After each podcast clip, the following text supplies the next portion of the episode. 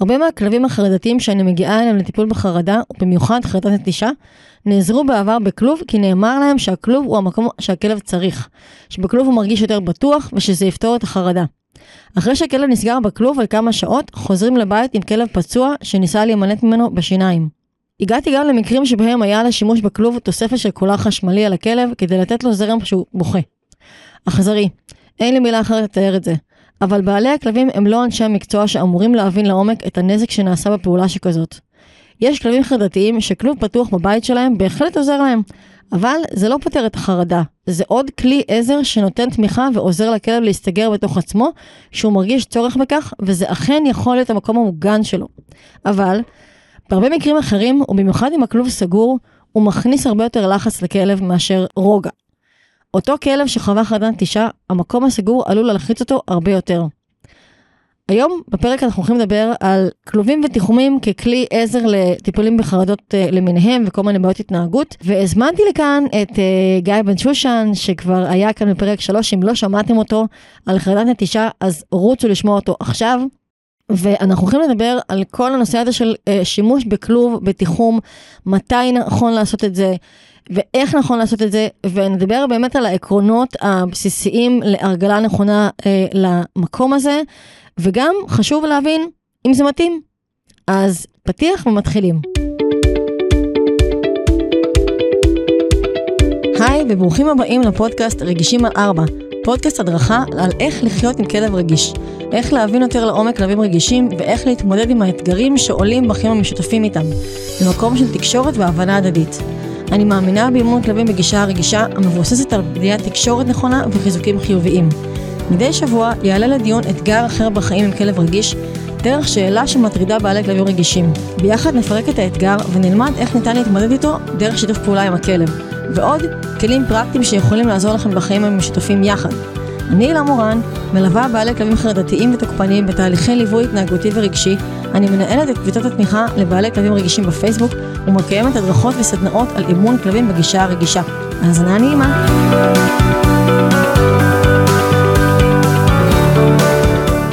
טוב, מה קורה גיא? מה אפשר שלומך? לקרוא לך פה אה, גבש וזה? אפשר ורצוי. רגע, מי, מי חתומה על הגבש? גל. גל, אוקיי. לקחתי את זה מגל, כן. כן. אז אה, מה קורה? בסדר, מה איך אתה? מרגיש אחרי התאונה? אתה... אני בסדר, כן? אני כבר אה, יותר מחודש אה, לא עובד, אבל אה. אבל לפחות אני יכול, מעולה, טוב שבאת. בהתראה קצרה, יש להגיד. כן, אה, אחרי התחייה מפעם שעברה. כן, נכון. טוב, אז uh, על איזה סוגי חרדות אנחנו מדברים היום בהקשר של תיחומים? מה, מה עולה לך? כן, אני חושב ש, שאולי אנחנו צריכים להתחיל אה, ולהגיד, אה, לא נתרכז בזה כי זה לא הנושא של הפרק, אבל כן אה, אנחנו צריכים להגיד שמשתמשים בתיחומים ובכלובים, אה, לא רק במקרים של חרדות אצל כלבים, נכון. בתור איזשהו פלסטר וטיפול סימפטומטי, אה, מאוד מאוד אה, בקלות, ו... בקלות מדי. בקלות נכון. מדי, בצורה שלא תואמת את אופי הבעיה או הקושי של הכלב. נכון. אני רשמתי לי אה, חרדת נטישה כמובן, ואחד הדברים שאני אה, יותר אה, רואה, יותר ויותר, זה פחד מאורחים, ששמים את הכלב בכלוב. אה, חרדות מרעשים למיניהם, אני לא מכירה מקרים שבאמת סגרו את הכלב, שיש לו חרדה מרעש, אבל אם הכלוב פתוח והכלב באמת רוצה ללכת לשם, להירגע, תסלם, אני, אין לי בעיה עם זה. כן, זה, אבל- זה בעצם מה שקורה אצלנו בבית. נכון, אבל גם הרגלת אותה, וגם כן. זו בחירה שלה, היא לא, כן, היא לא ה- כבויה וחוסר אונים הכלוב נפגש. פתוח ויש לה בחירה מלאה להיכנס ולצאת. אבל היא זה גם יכולה להחליט שהיא הולכת. לספה למשל. היא יכולה, כן. זה, זה המצב הטוב, אם היא באה וכן מבקשת אה, אה, זה- קרבה, זה אומר זה, שהיא כאילו יותר... זה אומר אה, שהיא מצליחה להתמודד. להתמודד, וואי, כן. מדהים. אז אנחנו בעצם אה, מדברים על חרדת נטישה, על פחד מאורחים, אה, חרדות מרעשים, כמו במקרה של טסלה, נכון? אה, תספר עליה אחר כך. אה, יש עוד משהו? פספסתי? אה, אני חושב, בעניין של חרדות, אני חושב שפלוס מינוס זה הכל. יש, כמו שאמרנו, הרבה מקרים אחרים שמשתמשים בתיחום כמו? שלא לצורך. כמו לדוגמה עם גורים עד שלב מאוד מאוד מאוחר. אה, לפעמים, אני כלוב בטוח, ותיחום לצרכים וכזה? אני בטוח שיוצא לך להגיע אה, לבתים שהכלב בן שנה וחצי, והוא עדיין נשאר בכלוב כל יום כשהם יוצאים מהבית. אוי ואבוי, זה נורא, לא כי יש לו נכון. חרדת נטישה, פשוט כי אף פעם לא אמרו להם, אוקיי, כאילו, שחררו אותו. שחררו ו... ו... על- יש גם כאלה שמפחדים מפחדים. מהרס של הבית, כן, אבל כן. לא בדקו את זה עדיין. מפחדים כי פעם אחת כשהוא היה בן ארבעה חודשים הם השאירו אותו והוא אה, לעס כן. נייר טואלט או משהו יקר ערך שאני יכול להבין אבל מהפחד לא מנסים שוב ולא עושים הרגלה להישארות לבד בלי כן. שום תיחום. אה, אז למה בעצם אנחנו לא תומכים כל כך בשימוש בכלוב או תיחום בטיפול בחרדה? זו שאלה מאוד גדולה ומורכבת ואנחנו נשים עליה גם כוכבית חשוב אוקיי. כי אני, אני אגיד משהו שאולי הוא שנוי במחלוקת אבל אה, הרבה פעמים לא הרבה פעמים אבל בחלק מהמקרים זה אוקיי. כן יכול לעזור תחת הרגלה לכלבים מאוד מאוד מסוימים. באופן גורף זה לא יהיה אה, כמעט אף פעם הפתרון הראשון שנלך אליו. מה זה המקרים המסוימים האלה? אומרת, אמרת, אמרת כלבים מסוימים, יש איזשהו דפוס לכלבים האלה? הגדרה? אנחנו יכולים לדעת מראש איזה כלבים כן יתאים להם הכלוב ואיזה לא? אה, אני חושב ש, שכשעושים אבחון מסודר ואנחנו רואים כלב ש... אה, אגב יש על זה גם מחקרים מאוד מעניינים על, אה, אה, על כלבים בבתים מרובים, בבתים מרובי כלבים, מהמם. שככל שיש יותר כלבים, הכלבים יראו יותר סימנים של קושי בהישארות, אבל גם פה יש כוכבית, אך ורק אם הכלב, אם יש כבר אחד מהכלבים שבאופן טבעי סובל מקשיים בהישארות. אוקיי. אה, אני אומר את זה בהקשר של כלבים ש, שעצם התזוזה מצד לצד הופכת אותם ליותר לחוצים והם נכנסים למין סייקל כזה כדור שלג שקשה להם לצאת ממנו. וברגע שיש להם פחות מרחב אני יודע זה נשמע נשמע זה מוזר, מאוד- כי זה זה נשמע- הפוך. כן אז אני אומר זה, זה כלבים מאוד מסוימים שאם הם יהיו בפחות תזוזה יהיה להם יותר קל אה, להירגע. רוב הכלבים הרוב המאוד מאוד גורף של הכלבים צריכים את התזוזה. צריכים לא יודע את התזוזה אבל את המרחב התנועה, את כן. האופציה ללכת ולעשות נכון, את נכון, ה... את החופש. את הנתיב הזה נתיב חרדה ולצאת וזה יש מעט מאוד כלבים שעצם זה שיש להם פחות אופציות ירגיע אותם. כן? כן אבל זה. זה אבל יודע- את צריך גם לשים לב בין מה זה מרגיע לבין חוסר אונים. נכון נכון נכון נכון זה, זה מאוד אה, אני יודע זה קצת בגלל זה אמרתי מראש שנוי במחלוקת ושמים על זה כוכבית. ושמים על זה אוקיי. כוכבית. אה, זה אחוז מאוד קטן מהכלבים. אה, וזה זה משהו ש, שגם בדרך כלל לא לא נחליט בתור אופציה ראשונה בטח אצל כלב שלא שלא ניסו לתת לו מרחב לפני. אוקיי. אמ, ובקושי מול אורחים, למה אנחנו בעצם לא תומכים בשימוש של אה, כלוב או תיחום? תיחום הכוונה, בואו נגדיר את זה רגע, תיחום הכוונה לגדר שתוחמת אותו והוא כן חשוף לאורחים, לצורך העניין. כן כי יש כלבים שלשים אותם פשוט בחדר אחר ולא להגיע למגע דווקא מאוד יכול לעזור ולהקל במקרי לא, אני, אבל קיצון. זה מה שאמרתי, תיחום, אני- אנחנו מגדירים פה את התיחום אה, של גדר מול האורחים. אני כן, לא, שם- הרגלה שמתי את זה. לחדר? שמתי את זה ב... אני חושבת שכל כלב צריך להיות הרגלה לחדר, זה פצצה של כן. דבר. ש- שמתי את זה רגע ב- ב- בסוגריים כדי שגם המאזינים יבינו ש- שתיחום יכול להיות גם חדר אחר כן, וזה אוקיי. דווקא כן יכול לעזור. נכון, נכון. אה, אני מסכימה עם זה לגמרי, הכלבה שלי בחדר שיש אורחים, מה זאת אומרת? מה, אני. אשים אותה יחד עם כולם? אמ, אז אז קודם כל יש יש את העניין שזה קצת אמ, להכשיל את הכלב מראש לתת לו לראות את כן. האורחים ולצפות שהוא יירגע. ולצפות שהוא יירגע ולצפות שהוא לא ירצה להגיע ולרחח אותם שזה הדבר העיקרי שירגיע אותו בדרך כלל. נכון. אמ, יש גם את השיטה הזאת שמכניסים אותו לכלוב, מכניסים את האורח, ורק אחרי שכלב נרגע, הוא יכול לצאת ולרחרח אותם. כן, כי יש פה, יש פה איזה ציפייה ללמידה אופרנטית, כשבעצם הרגש שם הוא... אבל ברגע שם הוא יכול להתפוצץ גם מרוב שהוא כן, אה, כן. סטרס. כן, אז זה, יכול, אז באמת יכול, זה כן יכול לעבוד, אבל זה לא משהו שאנחנו, שוב, זה לא הבחירה הראשונה, כי זה באמת מאתגר את הכלב. זה גם מאוד תלוי, אה, פה אנחנו מדברים על חרדות ועל אה, תוקפנות, אבל גם כלבים שהרבה פעמים, את יודעת, קוראים לך על כלבים שמאוד מתרגשים ומתלהבים, קופצים על אה, אורחים בגלל זה שמים אותם בכלוב, Mm, והם אה, מזייפים רגיעה שהם יושבים כאילו בצורה מאוד נינוחה, אבל הזנב שלהם. מסגיר אותם, כן. מהמם.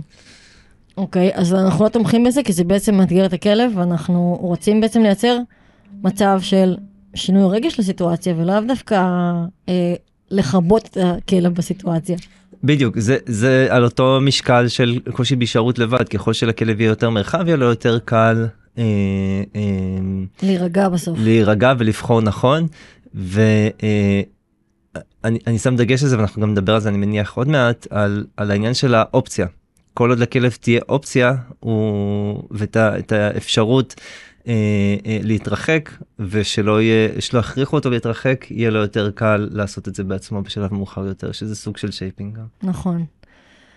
אז מתי כן להשתמש בכלוב או תיחום? בחר... בואו נתחיל מלדבר על חרדת נטישה. אז זהו, אז זה, עם זה התחלנו, וזה כן. זה באמת אחוז מאוד קטן מהכלבים, חשוב שנשים על זה דגש. אני אה, כמעט ואף פעם לא אשתמש, אבל, שוב, גם זה מקרי קיצון, אה, אה, במקרים, נגיד, שאנחנו יודעים שאם הכלב עכשיו יישאר... אה, אולי נתחיל במתי, במתי לא, נראה לי שזה זה יכסה, יכסה okay. אוקיי. אותנו בצורה יותר טובה. אני מתי לא נשתמש? לא, קודם כל כשיש לכלב, כשיש סכנה שהכלב יפצע את עצמו בניסיונות לצאת. אבל אתה יודע, מגלים את זה בדרך כלל רק אחרי שהם עושים את זה, שמשאירים אותו בכלוב סגור, אז הם מגלים שהכלב אה, פוצע את עצמו. כן, ואז, כן. והשלב הבא זה ש... או שמים עליו איזה משהו כוחני, או שקושרים אותו גם, בטח קושרים לכלוב, לא? יש דברים כאלה? כן, כן. או שהמצאתי עכשיו משהו נורא נורא איום. לא, אני הכרתי גם את זה, ואני גם, אני נראה לי סיפרתי, אני לא זוכר אם דיברנו על זה בפרק הקודם, על הבית שהגעתי אליו, שעשו לכלב כלוב אצל, אה, אה, במסגריה, עם אה, סורגים כמו של פיגומים. וואו. איך הכניסו דבר כזה לבית? זה כמו... זה, זה, היה, זה היה קשה לראות מצד שני אני אני קשה לי לשפוט אותם או להיות ביקורתי לזה כי uh, ההיסטוריה שלהם עם הכלב הזה uh, הייתה מאוד מאוד מאוד מאתגרת וזה הם הגיעו okay. אוקיי. לשם בלית ברירה. בלית ברירה וגם בלי ידע, אין מה לעשות. לחלוטין, כן, חשוב להגיד. גם משחק תפקיד. אוקיי, אז מתי לא? כשהכלב פוצע את עצמו, עלול לפצוע את עצמו, אוקיי. או לפצוע את עצמו אה, במקרים שבהם לא ניסינו בכלל שום דבר אחר. אה... לא ללכת ישר לכלוב בעצם, אם לא ניסינו משהו כן. אחר. חשוב להגיד שגם עבור כלב שמפחד להישאר לבד בבית, הבית עצמו הוא תיחום. תיחום אחד גדול, mm-hmm. שאנחנו רוצים להרגיל אותו לתיחום הזה. אז כמו שאנחנו יכולים להרגיל אותו לתיחום בתוך הבית כולו, אנחנו יכולים להרגיל אותו לתיחום באזור מצומצם יותר. את זה אנחנו עושים בעזרת אה, היעדרות מבוקרת מאוד מאוד קצרה בהתחלה מתחת לסף הלחץ שלו. יש כלבים שלא יוכלו בתוך, בתוך הבית. אתה מדבר על הרגלה לתיחום ספציפי בתוך הבית, אם זה חדר או אם זה גדר? אם זה חדר, אם זה גדר או כלוב, אה, או כל, כל דבר שהכלב okay. אה, אה, ירגיש בו שהוא... אה... אבל אמרנו שאנחנו לא הולכים לזה למקום, לדבר הראשון, אבל אם כן, אז אנחנו עושים את זה בצורה מדורגת מאוד ובהיעדרות מבוקרת. בצורה מדורגת, שגם המקום הזה הופך להיות המקום הבטוח של הכלב. זה מאוד מאוד מאוד חשוב. אבל אה, ישר מה שעולה לי זה בעצם ישר לסגור אותו בתיחום הזה. אני חושב שזאת האופציה הראשונה של הרבה אנשים, שוב, נכון. שבדרך כלל בלי הכוונה, ואז גם כשזה מתפקשש מגיע הטלפון למאלף. אמ, כי הכלב ניסה לצאת, או כי הכלב ניסה לצאת, או שיש יש יותר ויותר, ואני שמח על זה שיותר ויותר אה, קולות של, של אנשים שאני שומע שלא לא הגיעו למצב המאוד, אה, הכי חמור שיש לפני שהם פנו לאיש מקצוע. מדהים, כן. מעולה.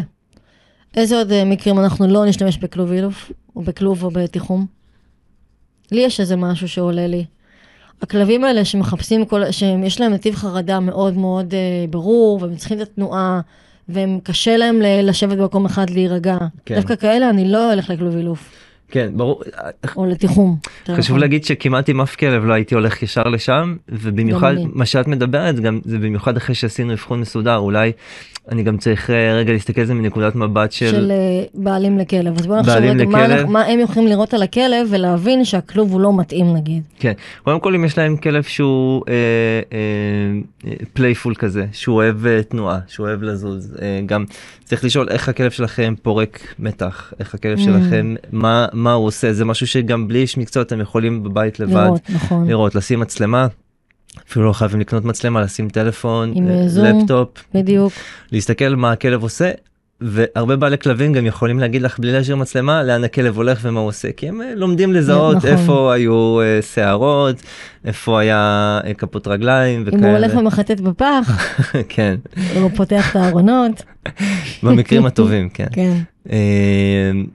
אה, ו- ואפשר להתחיל אה, להקל עליו קודם כל ב- בעבודה אה, נכונה והדרגתית. אה, השאיפה היא שהכלב לא יגיע לשם, נכון. אבל יש בהרבה מ- הרבה מקרים שבהם לא תהיה ברירה. אה, אנשים עובדים משרות מלאות, יש ילדים, יש... אין אפשרות לשים את הכלב בפנסיון יום כל יום. נכון. אה, אה, אז לפעמים אין ברירה והכלב כן יעבור את סף הלחץ כמעט כל יום. אה, ואם אנחנו כבר שם אז חשוב ללמוד מזה כמה שיותר לנסות אה, אה, להושיט לו להושיט לו יד במקומות שבהם הוא מבקש. יש עוד סימנים שאתה יודע להגיד שכלוב לא מתאים? כאילו, שוב, אני, הזוי שאני בכלל שואלת את זה, כי בעיניי זה אין כמעט לא, בכלל. זה חשוב ש- שנאתגר את אבל, השאלה אה, הזאת. זה... כן, כי בעיניי באמת, ברוב המקרים, אני לא הכרתי מקרה שהכלוב היה נדרש שם, אוקיי? תלוי מה את. אומרת נדרש כי הלקוחות שלנו הם אה, לא רק הכלבים הם גם מי שמגדל אותם. נכון, אז תראה, אני אגיד לך משהו. אם אני מגיעה כבר לבית ויש שם כלוב, והכלב דווקא סבבה איתו, אני לא ישר מוציאה אותו, כי זה באמת המקום הבטוח של הכלב, והוא אוהב את זה. בדיוק. ו... אבל אני כן צריכה להגיע למצב שאני יכולה להשאיר אותו פתוח. כי גם כשאני עושה שינויים מאוד קיצוניים, אפילו כלבים שעברו ענישה, אני לא ישר אוריד את הענישה. אנחנו צריכים לעשות את זה בצורה בטח הדרגתית, כי אז אין לנו רגרסיה של החיים. נכון, בדיוק, בדיוק את, את קופצת ישר לאן שכיוונתי אליו. בגלל זה אמרתי שהלקוחות שלנו הם לא רק הכלבים, אלא גם האנשים, כי אנחנו צריכים להתחשב, כשאנחנו בונים תוכנית עבודה, צריכים להתחשב גם במי שמגדל את הכלב, וגם נכון. לו יש קריטריונים, ואני נכון, לא יכול בדיוק. להציף אותו ולהגיד לו, לא, זה לא בסדר, הוא מסכן נכון. בכלוב, ומחר אנחנו נחזור לחצי ספה אכולה. לא, אז אנחנו, קודם כל תמיד הכל בהדרגה, בוודאי. כמו שאני מרגילה לתיחום בהדרגה, אני גם אה, אוריד אותו בהדרגה, אם יש צורך להוריד, אוקיי? כן, אני מודה שהגעתי לבתים שהכלב עף על הכלוב, מת על הכלוב. בדיוק. אז מה, אני לא נוגעת בזה בכלל. כלבים, צריך לא גם. אה, לא אמרנו את זה, אולי כי לנו זה מובן מאליו, אבל אולי כן כדי שנגיד, כלבים מאוד אוהבים להיות, אה, רוב הכלבים, אוהבים להיות בכוכים אה, במקומות שהם אה, סגורים, אה, שיש להם גג מעל הראש כזה, אה, בגלל זה, נכון, אבל זה עדיין לא אומר שהם יאהבו אותו דבר להיות במקום שהוא גם סגור ואין להם יכולת נכון, לצאת ממנו. נכון, פשוט אני חושב שבגלל זה, אני מניח לפחות, אה, אוקיי. לא, לא שאלתי, אבל אני מניח שלפחות בגלל זה, אה, הרבה אה, מאלפים אה, כוחניים, או אנשי מקצוע כאלה ואחרים הולכים לאופציה הזאת, כי הכלב, הרבה מהכלבים כן ישתפו. פעולה וירצו ללכת לכלוב. מתחת לסף הלחץ כשהבעלים בבית כשהם זה לפני בדיוק. שהכלוב נשרף בדיוק. הם יראו המון התלהבות והם ייקחו את הצעצועים שלהם לכלוב וישבו שם ואז זה גם נותן גם לבעלים אה, למי שמגדל את הכלב איזושהי לגיטימציה ל... אה הנה הוא אוהב את הכלוב אני, הוא רוצה בוא להיות נסגור. שם בוא נסגור ושם בעצם קל לפספס שזה טיפול סימפטומטי. נכון. כי בעצם הסגירה היא מאוד מאוד אקוטית, כאילו זה נראה, לנו אולי זה נשמע כאילו, אבל כולה סגרנו את הכלוב. אם הוא אוהב את הכלוב אז הוא אמור להיות סבבה שהוא סגור, אבל לא. היכולת של הכלב לבחור ללכת גם למקום אחר ולצאת כשהוא צריך, כן זה משהו שהוא כל כך חשוב לכלב חרדתי. כן. אה, זה, זה, זה פה המפתח. אני. אני, אני, אני תמיד אוהב לדמות את זה, זה כמו שאני אגיד אה, למישהו שהוא קלסטרופובי, אה, יכול להיות שאני, זה הגבלה לא נכונה, אבל ככה זה אצלי מצטער בראש, למישהו קלסטרופובי, להכניס אותו לחדר אה, סגור ולהגיד לו, הנה בפינה שם יש אה, דלת, ואתה צריך, אה, אתה צריך להישאר פה חצי שעה, יש שם דלת, אתה יכול לצאת מתי שאתה רוצה, והנה המפתח, אבל אתה, אתה צריך להישאר פה חצי שעה. ברגע שהוא יודע שיש לו את המפתח והוא יכול לצאת, אז אוטומטית, אני מניח לפחות, יהיה לו יותר קל להישאר. נכון. אה, או כמו שאת הולכת לרופא שיניים והוא אומר לך, אה, להרים את היד. ש... להרים זה. את היד, או שהוא כן. הוא יגיד לך כשהייתי ילד, הייתי הולך לרופא שיניים, הוא היה אומר לי, אני רופא מדהים, והוא אמר לי, כל פעם שכואב לך אתה רק מרים את היד ואני ישר עוצר, וזה נתן לי איזושהי... וואי, זה מדהים. כן, כן. השבוע היה לי את זה עם שיננית. אה, זה ממש ככה, זה ממש ככה, זה. נותן לך איזושהי אה, יכולת ביטחון, אה, שאני ביטחון. אני במקום בטוח, ואני יודעת שיש לי את היכולת לבחור משהו ש... רגע, קשה לי, אני, אני אצא, או שאני יודיע שקשה לי. בדיוק, ואותו דבר כשאנחנו מרגילים כלב לכלוב, במידה ואנחנו מגיעים למצב, מחליטים שהוא, שזה יכול לעזור, או שזה הכרח כרגע מבחינת מי שמגדל אותו, אז כש, ב, בתהליך ההרגלה מאוד חשוב לוודא שהוא יכול אה, להיכנס ולצאת. אה, שהוא גם עם הדלת סגורה שהוא ירגיש מאוד מאוד בנוח עם זה נכון. שכשהוא רוצה לצאת או שהוא מרגיש אה, אה, לא בנוח יש לו את האופציה לצאת. לצאת, בדיוק. אז אנחנו מסכמים שזה בעצם, זה לא, אנחנו לא רואים את זה ככלי לפתרון בחרדה או הרס, או, טוב, הרס, אה, אנחנו תכף נדבר על זה, אבל זה, זה פותר הרס ב... זה פותר הרס, אבל זה לא פותר, בצורה שהיא... זה לא אה, פותר את הסיבה שבגללה הכלב הורס, אז הוא לא יהרוס את הבית, הוא יהרוס את הכלוב, מה עשינו בזה? פצענו אותו. כן, עכשיו, כאילו, לרוב הוא יחפש על מה לפרוק את המתח הזה. נכון, נכון. את הסטרס. אני חושב שהעלייה לגדולה של הכלוב ו- והכלוב בתור פתרון זה שהרבה פעמים הכלב ייכנס לתוך הכלוב ולא יהרוס שום דבר. אה, זה גם קורה, זה במקרים, זה במקרה, מקרים שהם לא אה, קיצוניים, שאין חרדה ממש ממש גדולה, אין פאניקה, אבל הכלב לא מבסוט ולא רוצה להיות שם והוא, והוא רואים את זה הרבה פעמים כשאתם חוזרים הביתה ואנחנו רואים את הכלב בסופר אקסטזה בתוך הכלוב רק מחכה לצאת. אה, אז שם זה המקרים שאני חושב שהרבה מאיתנו מפספסים, אה, אני אומר מאיתנו לא בתור איש מקצוע, בתור מי שמגדל כלב, הרבה מאיתנו מפספסים כי אלה המקרים שנופלים בין הכיסאות, שהכלב לא, אולי לא סובל מחרדה, אבל הוא עדיין סובל, והוא לא מהמם. רוצה להישאר בכלוב, וזה שהוא לא, אם הוא היה נשאר מחוץ לכלוב, אז כנראה שהוא היה לועס כזה את השלט או את הנייר טואלט, והוא לא היה מחריב את כל הבית, אבל נכון. הפתרון הסימפטומטי הזה עבד לו, ויש כלבים שחיים ככה במשך אה, שנים. יואו, זה נורא בעיניי. כאילו, למה הבאתם כלב? בשביל לשים אותו בכלוב? אמ, אוקיי, אז אמרנו במה, מתי אנחנו לא נשתמש בכלוב או בתיחום. אה, אני כן רוצה להתעכב על נקודה שאפילו לא כתבתי אותה פה, אבל בוא נדבר שנייה באמת על העניין של ההרס, כי אני חושבת שזה אחד הסימנים הראשונים שיגרמו לבעלי כלבים לשים את הכלב בכלוב ולסגור אותו גם. כן. אפילו בלי הרבה הרגלה, כי הוא הורס, ואני עכשיו צריך ללכת לעבודה, מה אני עושה? ובעל הדירה אמר לי שאם אה, יהיו כן. סימנים יוציאו אותי בדיוק. וכן. אה, אני חושב, אני חושב שזה ה... זה בעצם זאת נקודת הקונפליקט אה, הכי הכי גדולה שאנחנו מגיעים אליה כשמטפלים במקרים כאלה כי אה,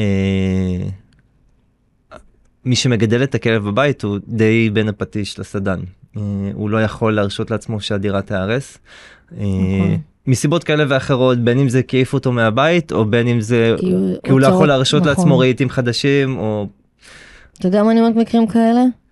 במקום לקרוא רהיטים חדשים, שלמו למטפל טוב, לגיא בן שושן, שיבוא לעזור לכם ולא יהיה הרס בבית, למשל. אני עדיין מחכה שתזמיני אותי לשיר. כשאני, אוכל אה, להיות יותר נייד. אני עושה רק בלי זומים, אז בסדר. חננתי שעה אצלי זה רק בלי זום. מי שרוצה, מוזמן. אה. איפה היינו? אה, אז, אז כן, ו, ולפעמים, מה זה לפעמים? גם אם את מביאה את המטפל הכי טוב, אה, הכי טוב שיש, ו, ועושים עבודה ואת מחויבת, התוצאות בדרך כלל הן לא מיידיות. נכון. וה, ואז מה עושים? אז פה פה צריך uh, באמת uh, זה מאוד תלוי בכלב זה מאוד תלוי ברמת התסכול ש, שאליו uh, מגיעים. מגיעים uh, וכמה כמה רוח נשארה במפרשים. כי לפעמים כן. אני מקווה שמי שרואה את זה יראה גם את הפרצוף שלך שלי, כן. לא, יש לי איזה עכשיו מקרה אה, על האש. כן חכה, תכף נגיע לדוגמאות. אה, כן אה, אז זה מאוד מאוד תלוי אם אני חושב ש... אה, נראה לי דיברנו על זה גם בפרק הקודם? אני חושב דיברנו על זה בפרק הקודם אבל אם אם באמת אין שום אופציה והכלב מהווה גם סכנה לעצמו בזה שהוא אה, אה, מנסה להימלט זה לא. חסר לא חסרות דוגמאות נכון. כאלו. אם באמת זה המצב אז יכול ולבעלים של הכלב אין שום אה, אה, לא נשאר ארוך במפרשים אז יכול להיות שכן נפנה אותו לטיפול תומך. אני בדרך כלל, בטוח, לא יכול להיות. כן, אני משתדל לא ללכת לזה בתור אופציה א', אלא אם כן זה מהשיחות שמתקשרים אליי ואומרים לי שאני, ה- קצה. הקצה, האופציה האחרונה, ניסינו להגיד. הכל כבר לפני, אז- והרבה הרבה מהשיחות שאנחנו מקבלים, אה, אני יודע לעצמי שזה באמת סוג השיחה, השיח שמתנהל. אז אה, אני אתן לך דוגמה. מתקשרים אליך זוג, הכלב עם דוקרנים. מקבל תיקונים בטיולים, אבל בבית אין בית. הורס הבית, והכלב גדול, ואין בית, באמת. ובמקרה שהוא מצליח גם לפתוח את המרפסת, הוא גם בורח, וגם לא יכול לחזור חזרה. הוא לא מצליח להיכנס חזרה, אז הוא נשאר מחכה להם מחוץ לבית. וגם אין בעיה איתו בחוץ, כאילו כשהוא משוחרר. הוא לא תוקף כלבים, אבל הוא מקבל תיקונים בחוץ, כי הוא אקטיבי לכלבים. משהו, רמת חרדה כזאתי, שכשאני ראיתי את זה בסרטוני וידאו, עוד לפני שבכלל עשיתי אבחון, אני בדרך כלל לא עושה את זה, אבל באמת אני, אם אני מפנה לטיפול תרופתי, זה באמת, אני עושה קודם כל אבחון. אבל מאחר והזוג הזה דיבר איתי לפני האבחון, וכבר שלחו לי כי אני בדרך כלל לפני האבחון, אומרת, תשלחו לי סרטונים שאני אדע מה קורה. כן, אוקיי? כי יותר קל לי. זה בדיוק. תקשיב, זה לא היה מנוס. כן, אתה את- הבנת שאם עכשיו אני לא מעלה אותו לטיפול, ואני מורידה לו עכשיו גם את הדוקרנים, כי מן הסתם הכלב גם תיקונים בחוץ, גם חווה סטרס בחוץ, בטיולים, וגם אה, זה, וממה שהיא גם אה, תיארה את ההתפרצויות שלו, הבחורה כבר עשתה גליצ'ות על המדרכה, יחד עם הכלב, אז אתה מבין שהרמת חרדה שם היא לא קטנה. כן, זה... לא הייתה שם אופציה אחרת, כי הכלב גם עכשיו על תרופות, לוקח לו המון זמן להירגע. ואנחנו אנחנו בהתחלה יחסית, ותקשיב, המצב, מה קיצוני? אחד הקיצוניים שהיו לי, בחיי. זה נשמע קודם כל באמת, אה, לא, כאילו מקרים שאין לך... אני הכרתי רק כלב אחד כזה, אה, יחסית בתחילת הדרך שלי, הוא לא היה שלי, הוא היה של אה, בת זוג. אוקיי. ברמה שאת מתארת שהוא גם ריאקטיבי בחוץ, וואו, גם משהו- הורס בבית, גם... אה, אבל, אבל גם, גם כשאתה רואה את הסרטון בבית, אתה רואה שהוא פשוט פורק זעם, כועס על העולם הכלב, כועס על העולם, ואתה מבין כמה סטרס יש שם בתוך הגוף. זה, זה נשמע, אה, איך נקרא לזה, זה רב מערכתי. כאילו, נכון, בדיוק, זה רב מערכתי, זה אה, אוכל תזונה טבעית אגב, רב מערכתי, אה, ובאמת, זה כאילו משהו כאילו מאוד מן גורף. הסתם צריך אבחון מאוד אה, יסודי ומסודר כדי ל- נכון. להבין. אבל, אבל הבנתי שאם היא עכשיו היא רוצה, עכשיו גם, בנוצה, תוסיף לזה גם שהם על הקצה. כי הם כבר אחרי פנסיון אילוף. הם עבדו בפנסיון אילוף על חרדת נטישה. רגע, יש לי כמה שאלות אה, כן, בחזרה. כן, הם היו עם איש מקצוע לפני שהגיעו אלייך? כן, עם פנסיון אילוף. אה, עשו עבודה אוקיי. בפנסיון אילוף. והם היו פעם אצל וטרינר התנהגותי כלשהו לפני שזה? לא, רק הוליסטי. אה, אז- אבל הם כן, אה, אוקיי. כן, היה כיוון, אבל לא, אף, באף שלב לא חשבו שצריך עזרה להפחתת החרדה. כי הכלב לא, הכלב אגב גאון, כן? הוא יכול להוריד לך במבה מהמדף העליון, אין בעיה. אה, זה מצחיק, אני אומרת לו לשים דברים גבוהים, ואז בסרטון אני רואה שהוא מגיע לדבר גבוה הזה. זה מטורף, תקשיב. כלב גאון, אבל ברגע האמת, אין שם למידה. אין שם שום יכולת של אה, שנייה, אל, אל, רגע תעצור את הפירוק של החלון ותנשום, אין. אי כן. אפשר, זה לא, זה, כאילו זה נשמע משהו כמו מצב- מטורף. מצב אה, קיצון. מצב מאוד קיצון, אז במקרים כאלה אני כאילו, אין לי בעיה שתשלמי לי כסף, אני גם לא יכולה שתשלמי לי כסף, אני גם לא אעזור לך, אני צריכה להיות הכי גם אה, איך הוא עם אורחים מציאותית. בבית? אין בעיה, נפגעים נפגשים בחוץ, אבל לא, לא, זה לא הבעיה של, של הכלב, בוא נגיד את זה ככה. לפחות זה. כן, לפחות זה. קצת נביחות, אבל לא משהו, זה בא לי כתף והכל אה, סבבה, תני לי ליטופים ואני אוהב אותך, אין בעיה. מעניין. כן, אה, משהו קיצוני. כזה, אה, אני מודה שמקרה כזה קיצון מההתחלה עוד לא יצא לי. חוץ לא, מהכלב לא, ההוא שאני אספר היה לך. לי עוד מקרה קיצון שאני, טוב, זה לא, זה לא לפודקאסט, אבל עוד מקרה קיצון שאני אספר לך בסוף ההקלטה, אבל כן, אני לא יודעת איך זה קורה, אני באמת, לא איזה, אני, עובדת עם חנות אישה, אבל אני לא, זה לא ה- כמו אצלך שזה הבי- הבייס שלי, כאילו, אני לא רק עם חנות נטישה, ואיכשהו מגיעים אליי מקרים שכאילו עוד רגע הכלב חוזר לכלבייה, כן. כזה. ואז באמת, במקרה כזה שגם הבעלים על הקצה, מה תעשה? במקרים, אתה לא יכול במקרים את כאלה, החלת אישה בשבוע, זה לא יקרה. זהו אז אני גם הרבה פעמים אני רציתי רציתי להוסיף מקודם וכבר נכנסנו לשוורונג של נושא אחר שכשאני מקבל שיחה כזאת אני חייב להגיד למי שמטפל בכלב שאני עם כמה שאני מבין את התסכול ואני אני באמת יכול להתחבר גם מנקודת מבט אישית אה, וגם בתור איש מקצוע אני, אני יכול להבין ו... או לנסות להבין ולהתחבר אבל אין שום תהליך שיכול להתחיל בטח לא במקרה כזה מורכב כשהכלב נמצא בסימן שאלה אה, בבית. אה, הכלב, נכון. הכלב מרגיש את זה, אתם מרגישים את זה, זה... אני הרגשתי את זה כשניסים היה אצלי עכשיו באומנה, הוא הרגיש שהוא באומנה, אני וואו. לחלוטין, אין לי ספק לגבי זה. מצא בית? הוא מצא בית, כן. יואו, זה מרגש. סליחה, לא הייתי בלופ, אני לא... האמת שזה עוד לא, עוד לא אפילו עוד לא פרסמתי אוקיי. בשום מקום. כשהפרק יצא אני מניח שאני כבר... אה, אוקיי. מדהים, איזה כיף לשמוע היום, היה חמוד, איך רציתי. כן, אצלי הוא לא היה שורד יומיים. אה, אני רוצה הרבה, אבל אתה יודע, אין מה לעשות, זה לא... זה, לא זה מאוד. קשוח, זה אתגר מאוד גדול. אה, אז אוקיי, נכון, אני מסכימה עם זה. אה, אז, אז אני אומר להם, אני, אני רק אסיים, אני אומר להם ש, שכדי שזה יצליח, ו, ואני לא אומר את זה בתור, את יודעת, כדי להקשות, או בתור איזשהו, מעבר לזה שזה עיקרון שלי, זה פשוט כי זה תנאי די בסיסי כדי שדברים יוכלו נכון, לזוז. נכון, אה, מסכימה עם זה מאוד. אחר, אחרת מאוד קשה לעשות תהליך אפקטיבי במקרים שהם מורכבים כאלו. לגמרי, וואי, זה, זה משהו חזק מאוד שאמרת עכשיו, זה ממש נכון.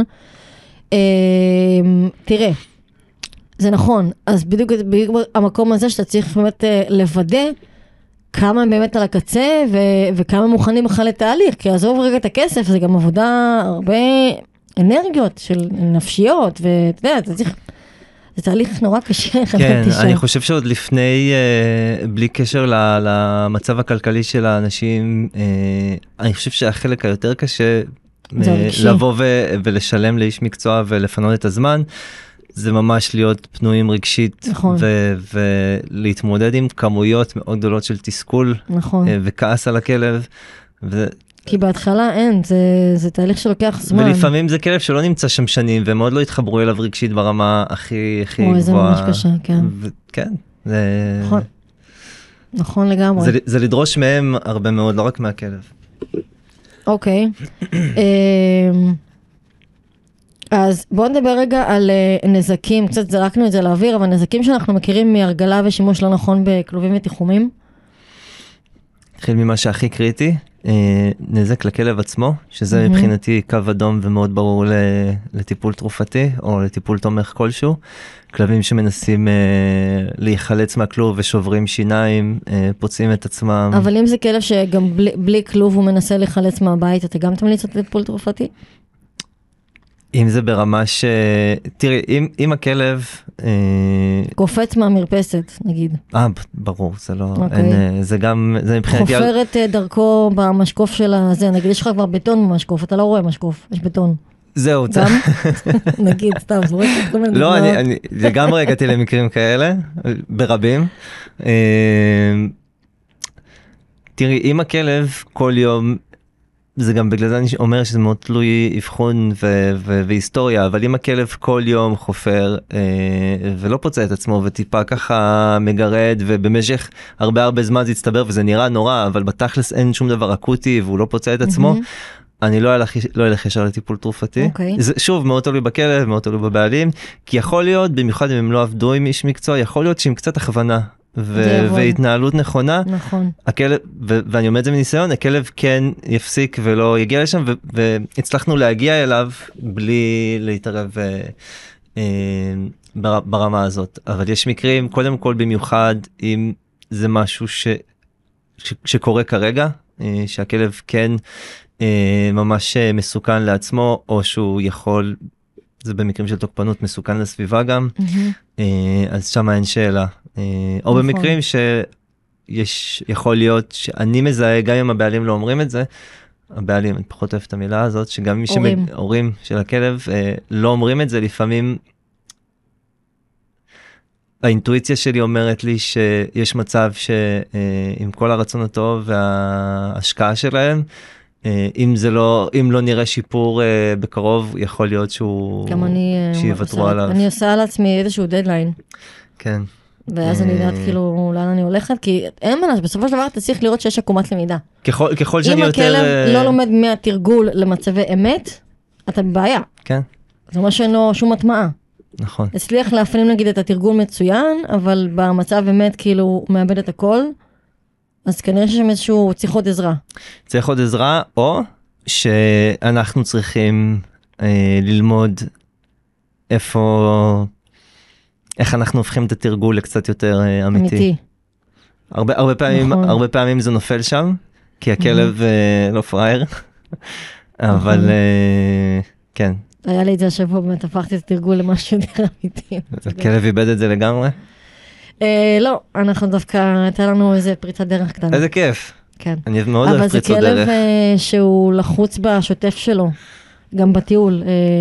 אה, היא כן קבעה תור, אה, ונראה איך אנחנו נתקדם עכשיו, מה... היה איזושהי פריצה קטנה, קטנה, לא לעוף על עצמך, כן? הוא פשוט הצליח לנתק מהדלת ולחזור למשטח ליקוק, בעזיבה אמיתית. זה, שזה זה- פריצה זה ענקית, מבחינתי מדהים. אבל, אבל אה, זה היה אחרי הרבה מאוד זמן של אה, דחי וגירוד על הדלת, אוקיי?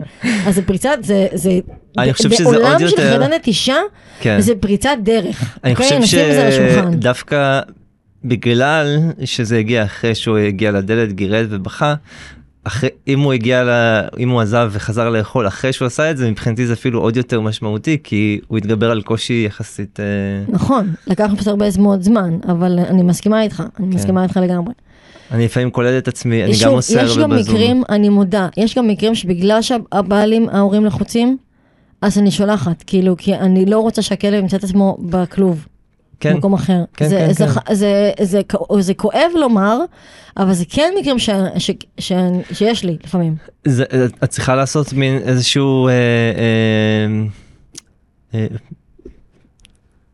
סיכום כזה של אה, מה, מה, נכון, מה עדיף. אני- מה אני- עדיף נכון. ו- ולאן, לא- מה הפוטנציאל שלי. במיוחד שמגיעים אליך, וגם אליך בטוח מגיעים, אה, הרבה בעלי כלבים, הורים לכלבים רגישים וחרדתיים, שהם, אתה האילוף השלישי, רביעי, חמישי שלהם. כן, והם ממש אה, אה, סנטימטר עם הראש מעל המים. אה, נכון, כן. ובעוד שנייה הכלב אה, עף מהבית, אז מה עדיף לנו? כן. אה, כן, זה לפעמים המצב. אוקיי, יש לך משהו להגיד בנוגע לנזקים? אה, לא, אני חושב. שבינתיים לא. למה? אין לנו עוד, אין לנו, אין לנו עוד נזקים של אה, אה, שימוש בתיחום וכלוב? אה, יש לנו עוד? הרבה, אוקיי. נו, בבקשה, קדימה. לא, חשבתי, אוקיי. נזקים. אה, אז יש לנו חפירות, אה, ניסיונות הימלטות, מן הסתם קפיצות מהחלון. אה, נשים פה גם על השולחן שיש כלבים שעצם השהייה מחוץ לבית בבתים פרטיים מאוד מאוד עוזרת להם. הכוונה בחצר? כן. כן. לא קשורים, או לא, קש- חלילה. לא קשורים, שיש להם כן. את האופציה לצאת ולחזור שיש להם כשהם אופציה רוצים. לצאת ולחזור, בדיוק, לפעמים נכון. עצם זה שיש להם את האופציה פותר, וואו, פותר וואי, לגמרי את וואי, הבעיה. היו לי מקרים כאלה, פתחנו קצת את החצר, תקשיב, כן, נגמרה החרדה. אין חרדה. כן. בחיי. אני, אני אספר וואי, אחר כך על... מטורף. לא ניכנס לזה עכשיו, אני אספר אחר כך על מקרה שפשוט היו משאירים את הכלב בחצר לא מגודרת בתוך העיר, והכלב פשוט היה נשאר אה, מחוץ לבית, עם, עם יציאה לחצר, כמו במדשאה כזה בבית בפרברים בארצות. הברית, פשוט נשאר שם בלי ללכת. וואו. אה, אבל היה לזה סיכון מאוד גדול, נכון. וניכנס לפרטים של זה בפעם אחרת. וואו. אה, כן, אה, כי זה, זה מחזיר אותנו לה- להתחלה שאנחנו אמרנו, שברגע שהכלב יודע שיש לו את המפתחות לצאת, יש את המפתחות ל, אה, ל, ל, להשתחרר מהכלוב, לצאת מהחדר, אה, לעשות משהו שהוא כאילו יותר אה, עם תנועה ומאפשר לו חופש, כבר החרדה כן, שם הייתה. שם הייתה הבעיה שהכלב לקח את המפתחות והלך לטייל בכל העיר. גדול. יכול להיות סרט מאוד מצחיק. אוקיי, אז אמרנו נזקים של... אה, וואי, שכחתי מה אמרת.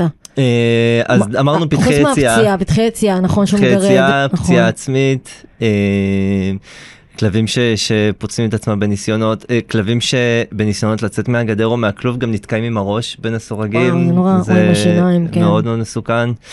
יש נזקים שהם אחרים שהם לא רק אז זהו, פיזיים. כלבים שלועסים בבית דברים ועלולים להיחנק, כמו ללעוס שקיות מתוך סטרס, כלבים שלועסים את הפח, שבדרך כלל מבחינתי זה אומר שהם אה, קצת לחוצים או ניסו להרגיע את עצמם. אבל אנחנו מדברים כרגע על הנזקים שאנחנו מכירים מה... אה, מהרגלה ושימוש לא נכון בכלובים. גם מהרגלה. אבל לא אם הם משוחררים בבית. אה אוקיי לא דיברתי על, על קושי נ- ב, ב, באופן כללי ב- בהישארות על הנזקים.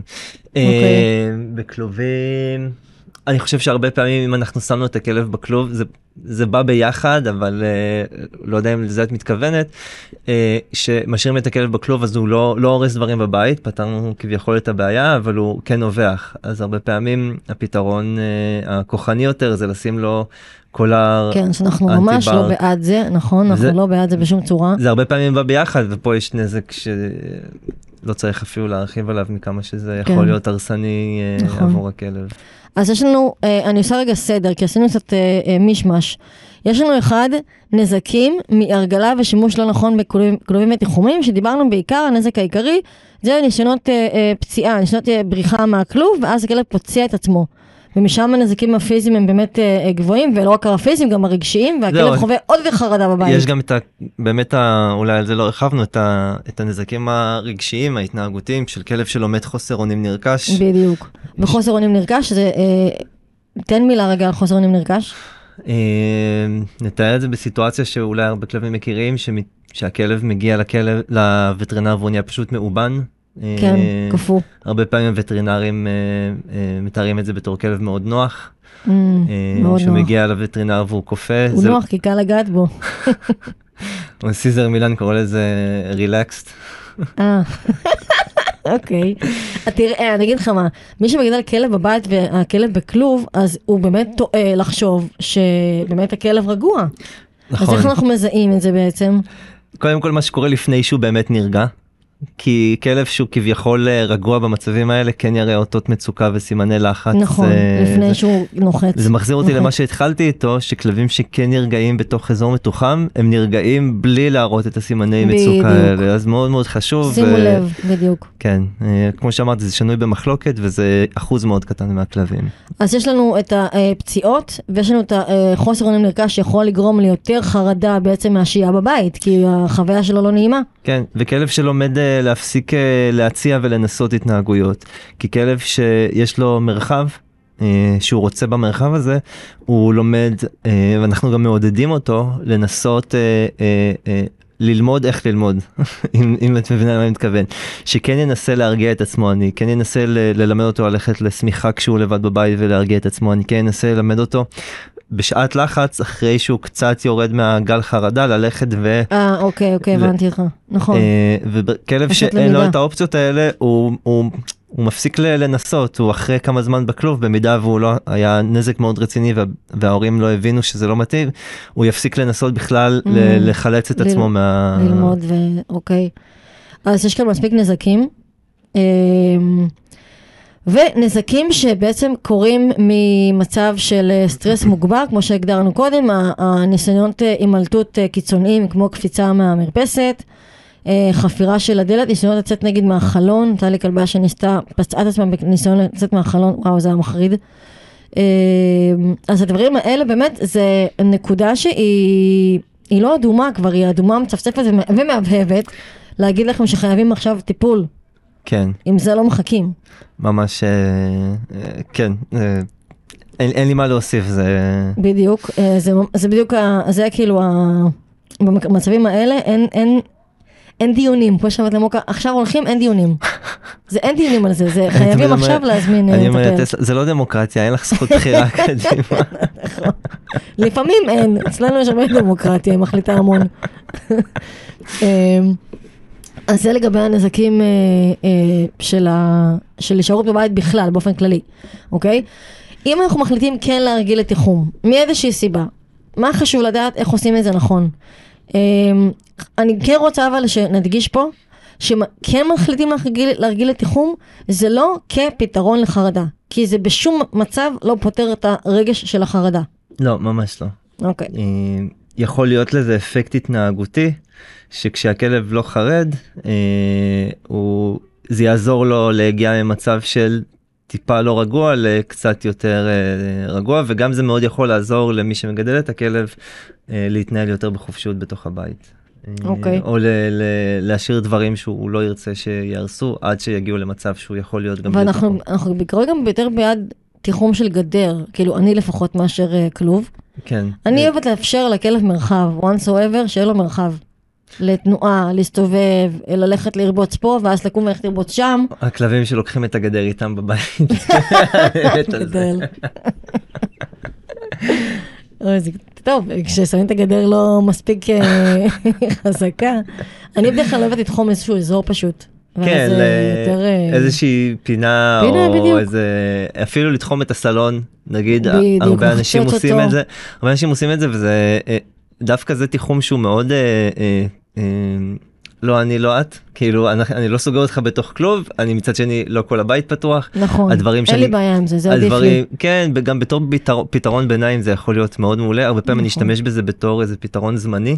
אה, עד שכלב בד- בעצם ידע כן, להירגע יותר, כן. או, או נגיד אם אה, אה, בדירות שותפים או בדירות שבהם יש את האופציה, הרבה מהדירות הישנות בתל אביב, שבהם אני יכול לסגור את הדלתות של נכון. כל ה... ולהשאיר להשאיר נגיד רק את המבואה ואת הסלון פתוחים לכלב. בדיוק, נכון. ואז חפצים שאני מפחד עליהם או דברים שמסוכנים נכון. לכלב, יש לי עכשיו לקוחות עם אולפן בתוך הבית, הוא אמר לי אם הכלב נכנס לשם כשהוא בחרדה, אני, זה נזק של עשרות אלפי לא, שקלים. בטח, אני לא יכול אה, לאפשר את זה, אני, אני לא יכול להתווכח עם זה מן הסתם. נכון? אה, אני מבינה אותו. ברור, אז זה גם סוג של תיחום, וזה משהו שכן אפשר לעשות לו הרגלה, וזה משהו שגם יכול להטיב גם עם הבן אדם וגם עם הכלב. נכון, אני גם חושבת שהרגלה לאזור כזה יותר אה, קלה לכלב מאשר אה, סגירה בכלוב שהוא מן הסתם יותר קטן, כן. מספייס כזה. אז איך מתחילים אה, להרגיל? נגיד שאנחנו רוצים, וה- והסיבות הן נכונות, כי אנחנו רוצים שיהיה לו מקום נעים, לא בכוונה לסגור אותו, כי אנחנו רוצים לשמור על הבית כדי לא להרוס, ואז לייצר איזשהו תיחום, איך עושים את ההרגלה הזאת נכון? קודם כל שואלים את הכלב, איפה אתה אוהב להישאר? מה אתה אוהב איך לעשות? שואלים אותו? אמ, אז, אז זה, זה, זה תלוי באמת אה, בקצת אה, לתחקר את ה... גם את מה שאת רואה בשטח כשאת מגיעה לשם או שאת מדברת עם, עם מהמם. מי שמגדל את הכלב וגם קצת מההיכרות שלך עם כלבים באופן כללי. יש אה, אה, סוגי כלבים, יש כלבים שיעדיפו את הפינה השקטה שלהם בבית. כמו טסלה ויש כלבים שיעדיפו תמיד לשבת איפה שמי שנמצא אה, איפה מי שבבית אני רוצה לשבת לידו. אה, יש כלבים שיעדיפו את האזור המרכזי, יש כלבים שיעדיפו תמיד לשבת בפינה, גם אם זה מהמם. בתוך החדר. אה, אז צריך לשאול את הכלב איפה הוא, איפה הוא רוצה להישאר, איפה האזור שהוא מרגיש בו בנוח. האם זה כלבים שאוהבים להימרח על השטיח באמצע הבית, או זה כלבים שיעדיפו לשבת ה... מתחת לספה או מתחת למיטה מהמם. במקומות הכוכים האלה. אגב, במידה ואני מזהה מקום כזה, או מקרה כזה, אני תמיד אומר להם, הכלב נגיד, אה, הכלב פה מאוד יכול להיעזר, אם זה כלבים שנכנסים תמיד מתחת לספה, מהמם. מאוד יכול לעזור לו אם תבחר אזור שאנחנו יודעים שנוח לו בו, ותבנה לו שם כמו איזה כלוב כזה, או איזה, אפילו כלוב, אוהל. אוהל, כלוב בד, לא משנה מה. וזה מאוד יעזור לא, לכלב. ת- תשים לב, יש הבדל מאוד גדול, נגיד כלוב אה, רגיל, הרעש המתכתי נגיד, הרעש או המתכתי הוא- יש כלבים שהכלבה שלי בר- בורחת מזה. הרעש המתכתי הוא מאוד, מאוד אה, מפחיד, במיוחד לכלבים רגישים. כלוב בד. אגב. ה- לא שאני משווק פה או מממן, הכלובי תערוכות שיש, את יודעת למה אני מתכוון? הם הם מבד, לא? הם מבד, יש להם מסגרת של אה, מתכת, אבל Mm. הם אה, מבד קשיח כזה. ואז אין את הרעש. אין את הרעש, וזה אני עדיין... פחות מהתחום של תערוכות. אני גם, אבל קניתי את זה לטסלה וזה מושלם. אני, אני פשוט אומר. כלוב תערוכות, כי זה כלוב שלוקחים כל- אה, כלבים לתערוכות, אה, כלוב. נסיעה כזה נסיעת נייד. תערוכות, אוקיי, אה. הוא אף פעם לא יצא מהבית. מעולה. אה, אחלה פתרון. את טסלה אני לוקח לתערוכות בידיים פשוט. הכלבה מושלמת לתערוכות, כן. אוקיי. אז אה, אז מצאנו איפה הכלב אוהב להיות. יפה, ובתוך מה? אה, יש כלבים שיעדיפו דווקא, אז את אמרת את מעדיפה גדר, שזה אה, באמת מעולה, אבל באמת יש כלבים שעצם זה שיש להם קורת גג בתוך הבית, Mm. מאוד מאוד יעזור להם. וזה בדרך כלל כלבים שיעדיפו כשהם מפחדים ללכת להתחבא מתחת לספה, מתחת לשולחן. כמה, כמה לקוחות שמעת אומרים לך, כן, אה, הוא מאוד אוהב לשבת מתחת נכון, לשולחן. אה, נכון. זה, זה קלאסי הכלבים שמאוד יעזור להם להיות בתוך אה, כלוב, פתוח כמובן. כן. אה, אז ההרגלה מתחילה בזה, זה תלוי ברמת הקושי של הכלב, אבל הרבה פעמים אני אתחיל דווקא מלהרגיל אותו להישאר שם כשהוא רק לא רואה אותי בתוך הבית, אולי אני אשאיר לו איזה צעצוע האכלה Mm. וקצת יתחיל להסתובב בתוך הבית, זה ממש ברמה מאוד מאוד בסיסית, יש כלבים שברגע שתביא להם משהו להתעסק בו בתוך הבית, את לא באמת מעניינת שם, אותם. כן. יש כלבים שתשימי להם קלונג ואת תלכי לחדר השני הם יעזבו אותו וירוצו אחריי. בדיוק, נכון. זה מאוד מאוד, אה, אנחנו נכנסים פה כבר לניואנסים אה, מאוד ספציפיים. אמ, אוקיי, מאוד, אחרי שעשית נתת את הקונג וכל זה, יש איזה עוד משהו שאני אעשה בתהליך הזה? מה, אולי, אולי בוא נדבר על מה, מה, לשים לב על איך הכלב מתנהג מבחינת התקשורת שלו, מתי אני רואה שיש איזשהו קושי. אפילו אם אני רוצה להשאיר את הכלוב כאילו אה, סגור עם הדלת אבל לא נעול, כדי שהכלב כן אה, יצא, אז אני צריכה לראות איזה, איזה סימנים אה, לזהות שהכלב באמת באיזושהי מצוקה או שקשה לו, שזה לא מתאים אולי הכלוב, כן. אולי צריך תיחום. אז זהו, צריך. צריך להתחיל אה, אה, לשים לב לפני שהכלב מגיע לאותות אה, מצוקה וסימני לחץ, והרבה לפני כשהוא מראה טיפה חוסר שקט. ואולי אה, הפחות אה, מקפידים ש, שישמעו את זה יגידו איזה מגזימים ו... מגזימים, אנחנו מגזימים פה. נו, מה לא, זה, אבל פשוט, מה זה החוסר פשוט שקט אני, אומר, למשל? אני אומר את זה כי כשאתה מזהה חוסר שקט בשלב המאוד התחלתי, אתה מונע כלב ששורף את המקום הבטוח שלו בשלב נכון, מאוחר יותר. בדיוק. אז ככל שתזהה את זה יותר מוקדם ותהיה קצת יותר פדנט. אה, וקשוב לתקשורת של וקשוב הכלב. לתקשורת, כן, מנסחת את זה יותר טוב ממני. אה, אז אתה תמנע, אתה תמנע רגרסיה, ושאגב, אה, צריך להגיד, מגיע בכל תהליך. נכון. אה, אתה תמנע רגרסיה אה, אה, גדולה יותר בשלב מאוחר יותר. אוקיי, מעולה, אז איזה סימנים אנחנו רוצים כאילו לשים לב לשים אליהם? ו- לב. כלב ש... מתחיל לעזוב אה, את, ה, אה, את הצעצוע שלו, הצעצוע. ב, בשלבים... צעצוע ש- עם אוכל, כן? בוא נדייק. כן, לא צעצוע משיכה לשחק לבד. נכון. אה, צעצוע עם אוכל או את החידה, או שלא מראה עניין. אה, בחידה? לא מראה עניין ב... ב, ב אני, אני מאוד אוהב אה, להתחיל כבר בהתחלה לתת אה, יחידות אוכל עם רמה של תסכול מינימלי לכלב. נכון, בול. כי הוא חייב להיות מאותגר. אה, גם אם זה במצב שהוא מאוד קל מולי, בתקשורת מולי, בכמה אני רחוק, מאוד, אני מאוד אוהב כן לתסכל אותו קצת, אה, אה, ברמה שהוא כן יהיה מאותגר, כי בסופו של דבר אני מכין אותו למצב שבו הוא יהיה מאוד מאותגר. אז אתה מההתחלה מתסכל אותו? אבל כשאני מתסכל אותו ברמה של כמה הצעצוע קשה, לא בכמה אני, כן, קשה לו הבנתי. מולי. אוקיי, אבל אם אתה רואה שהצעצוע מתסכל אותו, אז אתה צריך לעבור לצעצוע יותר קל. לא, לא, אני, אני מדבר על כלב שכבר אה, יודע צעצוע הכלה ומכיר אוקיי, אוקיי, ואוהב, לא כלב שפעם ראשונה ניתן לו צעצוע הכלה והוא לא יודע איך לפתור אותו.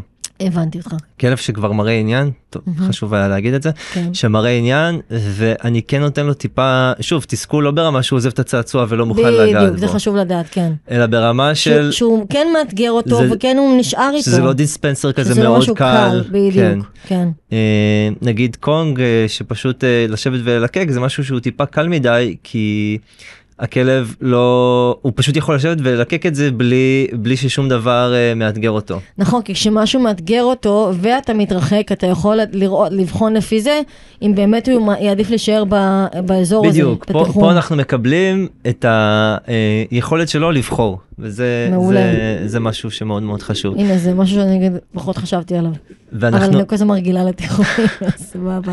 תראה, כמו שאמרתי, גם הבית עצמו הוא תיחום בשביל הכלב. נכון. פשוט הוא תיחום שבאידאל הוא הכי נוח ובטוח לו. אה, אגב, סתם אה, באנקדוטה, כלבים שכשהם נלחצים בחוץ, תשאלו את עצמכם האם הם רצים הביתה או שהם רצים אה, רחוק מהבית. לפי זה אנחנו יכולים לדעת גם עד כמה הבית הוא מקום אה, בטוח בשבילם. בשבילם. מדהים. זה מאוד תלוי באיפה אתם נמצאים, ו... נכון. ויש גם כלבים אה, אה, קצת קלסטרופובים. וואו, כן. זה כבר אנחנו נעשה פרק מעצמו, בשביל מעצמו, עצמו כי זה משהו שאני בעצמי אה, עדיין אה, מנסה ללמוד ולהבין. אז חכה לסוף הפרק, אה, אנחנו נדבר על זה. אה, אוקיי, אבל כן מבטיחים פה פרק על קלסופוביה. אוקיי, חרדה ושירים של קלסופוביה, זה מעניין.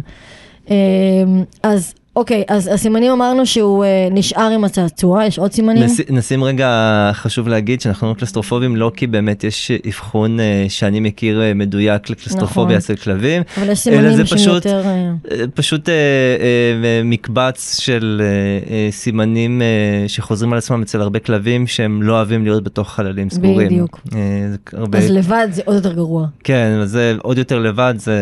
אה, נכון, מחמיר את זה עוד רק יותר. היה חשוב אה, לשים, אין, אנחנו לא באמת יכולים להגיד שהכלב הזה הוא קלסטרופוב. לא, נכון, אבל לדבר על הסוגיה זה לא כמו אני אבחון אצל בני אבחון, אדם. נכון, כן, נכון, כן. נכון. אבל אה, הכוונה הייתה לדבר על הסוגיה הזאת של כלבים חרדתיים, שזה נראה ממש כמו קלסופוביה. כן, בלי קשר לאם הם לבד או לא. נכון, אבל רמת חרדה שהיא בדרך כלל יותר גבוהה. כן, זה גם מאוד מורכב לטפל. נכון, מורכב טילים. אה, אוקיי, אז אה, אמרנו שהכלב נשאר עם הצעצוע, מה עוד אנחנו צריכים לראות על התקשורת של הכלב שהוא בטוב? שהוא בטוב שהוא הוא משחרר אותך בשמחה. אוקיי, בטוב ולא בטוב, סליחה, גם גם סימנים שלא בטוב. אה, כמו שאומרים, אה, הסכמה נלהבת. מעולה. יפה, אז אותו דבר אצל הכלב. אנחנו רוצים שהוא יוכל לראות אותי אה, מתרחק. מתרחק ולחיות עם זה לראות שם בשלום. איזה רמה מסוימת של אה, חוסר שביעות רצון, אה, אפילו תסכול מינימלי, אבל שהוא משחרר בכיף ואומר כאילו, וואלה, אתה לא מעניין אותי, אני, אני רואה שאתה הולך, ואני אני מעדיף, אני בוחר אה, להישאר במה שיש לי ולהתעסק בו. מעולה. אה, אז זה, זה אה, מבחינתי סימן שאנחנו כן רוצים לראות. מה שאנחנו לא רוצים לראות, או אה, לא, לא רוצים לראות, אלא יותר אה, סימן שהייתי מתעכב עליו, כלב שקשה לו אה, ברמי, בשלבים הראשונים, אה, אה, שהוא הוא נעצר או שהוא עוזב את הצעצוע.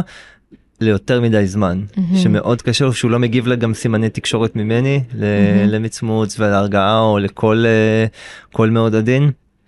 אוקיי.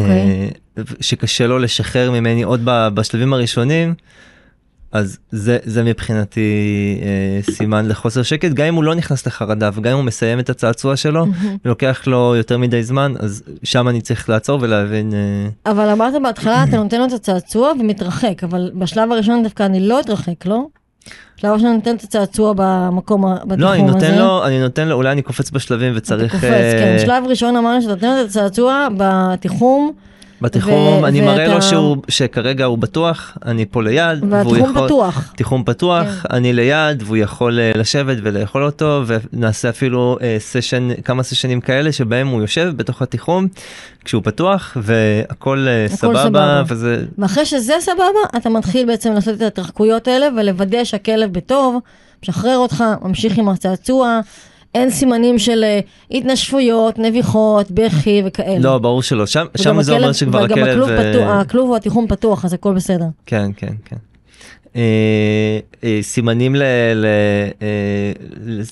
אה, אדומים או מיני אדומים. בשלבים האלה כלב שמסיים את הצעצוע או שעוזב אותו לרגע רץ אליך בהתלהבות בודק שאתה בסדר וחוזר לצעצוע. Mm, זה קצת מעלה לי סימן שכלב שהוא יכול להיות שיהיה סופר מעוניין באוכל כשאתם תצאו גם במצב אמת וברגע שהוא סיים את האוכל יהיה לו קושי. מאוד גדול מהמם. בלי זה התיאבון שמשקר לנו קצת אוקיי. או, וואי, או שזה. stress eating גם יכול להיות הרבה מעולה. פעמים. איזה אה, עוד סימנים? אה, אנחנו נראה לפעמים סימנים של מצוקה, נגיד ברמה של אה, בכי וכאלה, אתה יודע, אולי יש כלבים שבאמת בעצם נשארים שם ולא יודעים אם הם אה, לא מהר מאוד יוצאים, כאילו אולי המקום עצמו מבהיל אותם ומשתק אותם, אני סתם מעלה אופציות, אני לא יודעת. כשהם אה, נמצאים בתיחום כן, זה, זה כבר כמעט כמו כל, כל מה שאנחנו מדברים היום הוא, הוא הופך להיות מאוד uh, תלוי ב, ב, במקרה עצמו אבל יש הרבה כלבים שעצם הכניסה למקום סגור וקטן. במקום סגור וקטן אוטומטית תהיה משק, משתקת עבורם הם uh, מזהים את התפאורה uh, בין אם זה התפאורה הפיזית ובין אם. זה התפאורה שאיך שאנחנו נראים ומתנהגים לקראת יציאה או ואז אנחנו תרגול. נדע שה- שהתיחום בעצם לא מתאים לכלב. אנחנו נדע שהתיחום לא מתאים לכלב יש כלבים אם דיברנו עכשיו על stress eating יש כלבים אה, אולי גם נפרט, אה, אכילת אה, לחץ זה כלבים שמתוך מתוך הלחץ מתחילים לאכול מהר יותר, זה מופיע גם ברכושנות וגם הרבה mm-hmm. פעמים סביב קושי בהיפרדות. אז, אז יכול להיות ש... רגע, אנחנו לפני הסטרס איטינג דיברנו על... על ההרגלה לתיחום והסימנים שמתי זה כאילו יש איזושהי מצוקה. אה, אז יש, יש כלבים ש, שהרבה פעמים ייכנסו לתיחום ואוטומטית יאבדו תיאבון. ויהיה mm. קשה לראות עליהם שהם בחרדה או בדרך כלל עין מקצועית קל לזהות אבל הרבה פעמים הבעלים יגידו לא הוא לא כל כך אה, לא כל כך מתלהב מאוכל. ואם אני זורק לו חתיכת חטיף הוא עט עליה כן, בזמן אה, בזמן נתון. אז הוא... אה, כן הכלבה שלי כזאת בתיחום כזה היא לא אין סיכוי שתאכל. כן אגב טסלה עם אוכל זה משני מאוד בעיניה גם כשאין לחץ גם כשיש לחץ זה אני, אני ממש יכול להבין את זה. מדהים. אה, כן, כן, זה כלבים עם החרדה בסטרס מסתבר, עם אוכל זה לא תמיד זה שלהם, הפורטה שלהם. כן. טוב, מה נגיד? יש לך משהו לסיכום? להגיד אה, מסר אופטימי? לא להשתמש בכלוב, נגיד? אמ, תתייעצו עם איש מקצוע, אם אתם, אה, לפני שאתם מגיעים לנקודת שפל. כן, אה, לפני שאתם על הקצה. לפני שאתם על הקצה, לפני שאין לכם יותר כוח. איש מקצוע שעובד בגישה מכבדת ונעימה. מכבדת ונעימה זה... זה של שפרה. זה מתאים לפרק. זיכרונה לברכה, כן, כן, לגמרי מתאים לפרק. אה, ושבאמת, פגישה חיובית, וזה, לא, לא כוח. כלב לא בחרדה לא צריך כוח, בקיצור. כן, אה, ולנשום עמוק. לנשום עמוק, כן. טוב, תודה שבאת, בואנה, תמיד כיף איתך. איזה כיף. מלא זמן נפגשנו. נכון. אה, טוב, אז תודה, ואנחנו נתראה אה, אני אבוא בשמחה, וכרגיל היה כיף להגיע. יאללה, ביי חברים. להתראות. תודה רבה שהאזנתם. אני הייתי אלה מורן, ואם מצאתם את התוכן הזה מועיל ומעניין, שתפו אותו כדי שעוד בעלי כלבים יקבלו ערך ויצליחו לשפר את החיים שלהם עם הכלב הרגיש. אפשר לשמוע את הפודקאסט בספוטיפיי, אפל פודקאסט, גוגל פודקאסט ובכל אפליקציות ופודקאסטים. אם יש לכם נושא בוער שתרצו שאדבר עליו, מוזמנים לכתוב לי במייל, בפייסבוק, באתר שלי או באינסטגרם, כל הפרטים ממש פה למטה. תודה שוב, ונשתמע בשבוע הבא עם פרק חדש. thank you